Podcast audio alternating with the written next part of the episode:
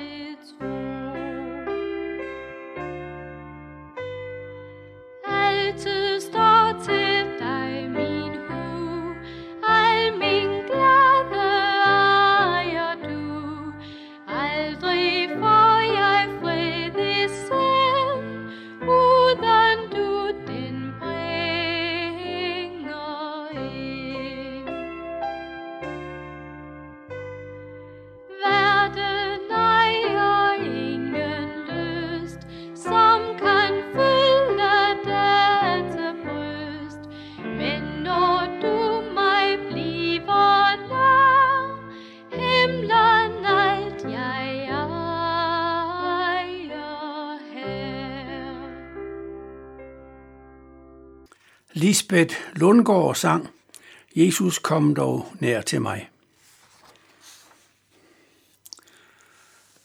Titus brevet kapitel 2, vers 9. Og frem til kapitel 3, vers 2, der står der jo. Slaverne skal underordne sig under deres herre i et og alt, og rette sig efter dem uden at sige dem imod. De må ikke stikke noget til sig. Man skal altid vise sand troskab. De er i et og alt en fryd for Guds, vor frelser, lærer. For Guds nåde blev blevet åbenbaret til frelse for alle mennesker, og opdrager os til at sige nej til ugudelighed og værtslige lyster, og leve besindigt og retskaften og gudfrygtigt i denne verden, mens vi venter på, at vores særlige håb skal opfyldes, og vores store Gud og frelser, Jesus Kristus, komme til syne i herlighed. Han gav sig selv hen for os for at løskøbe os fra der al slags lovløshed og skaffe sig et rent folk som sin ejendom. Ivrig efter at gøre gode gerninger. Tal sådan og forman og tilrettevis og gør det med, udtryk, med eftertryk. Lad ingen ringe agte dig. Påmind dem om at underordne sig under øvrigheder og myndigheder, adlyde og være redde til enhver god gerning. De må ikke forhåne nogen eller være stridbare, men skal være milde og vise sagtmodighed mod alle mennesker. I Paulus' omtale her af en kristens levevis, nævner han til sidst, at slaverne skal underordne sig deres lærer, deres herre. Det kunne vi godt opfatte som en selvfølge. Naturligvis skulle slaven det. Ja, en herre kunne i de værstlige samfund dengang straffri slå en ulydig slave ihjel. Men jo ikke sådan i en kristen sammenhæng. Her er der ligeværd mellem mennesker. Levereglen, du skal elske din næste som dig selv, gælder også mellem herre og slave. De er begge Guds skabninger. Ja, toppen på hele skaberværket, som Gud elsker. Det skal en kristen herre være bevidst om, og ikke behandle sin slave som et redskab. Nej, han har ansvar for dem. Slaven skal have et værdigt liv. Slaven er også hans næste. Det medfører for slaven, at han skal respektere sin herre og velvilligt rette sig efter, hvad herren siger. De indgår begge i den kristne husholdning. De skal begge arbejde for den kristne familie. Der er blandt kristne ingen niveauforskel imellem os. Vi er for Gud alle lige. Vi er for ham alle ligeværdige, men vi har forskellige arbejdsområder, som vi hver især, herre som slave, skal varetage til Guds ære. Dette princip kan overføres direkte til vores tid, hvor jo slaveriet for længst er afskaffet, men forholdet mellem herre og underordnet er egentlig ikke ændret. En fortsat skal respektere den underordnede og hans arbejde.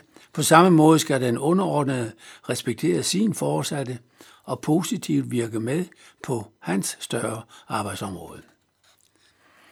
Begrundelsen for dette er, at Guds nåde er blevet klart lagt frem for alle mennesker.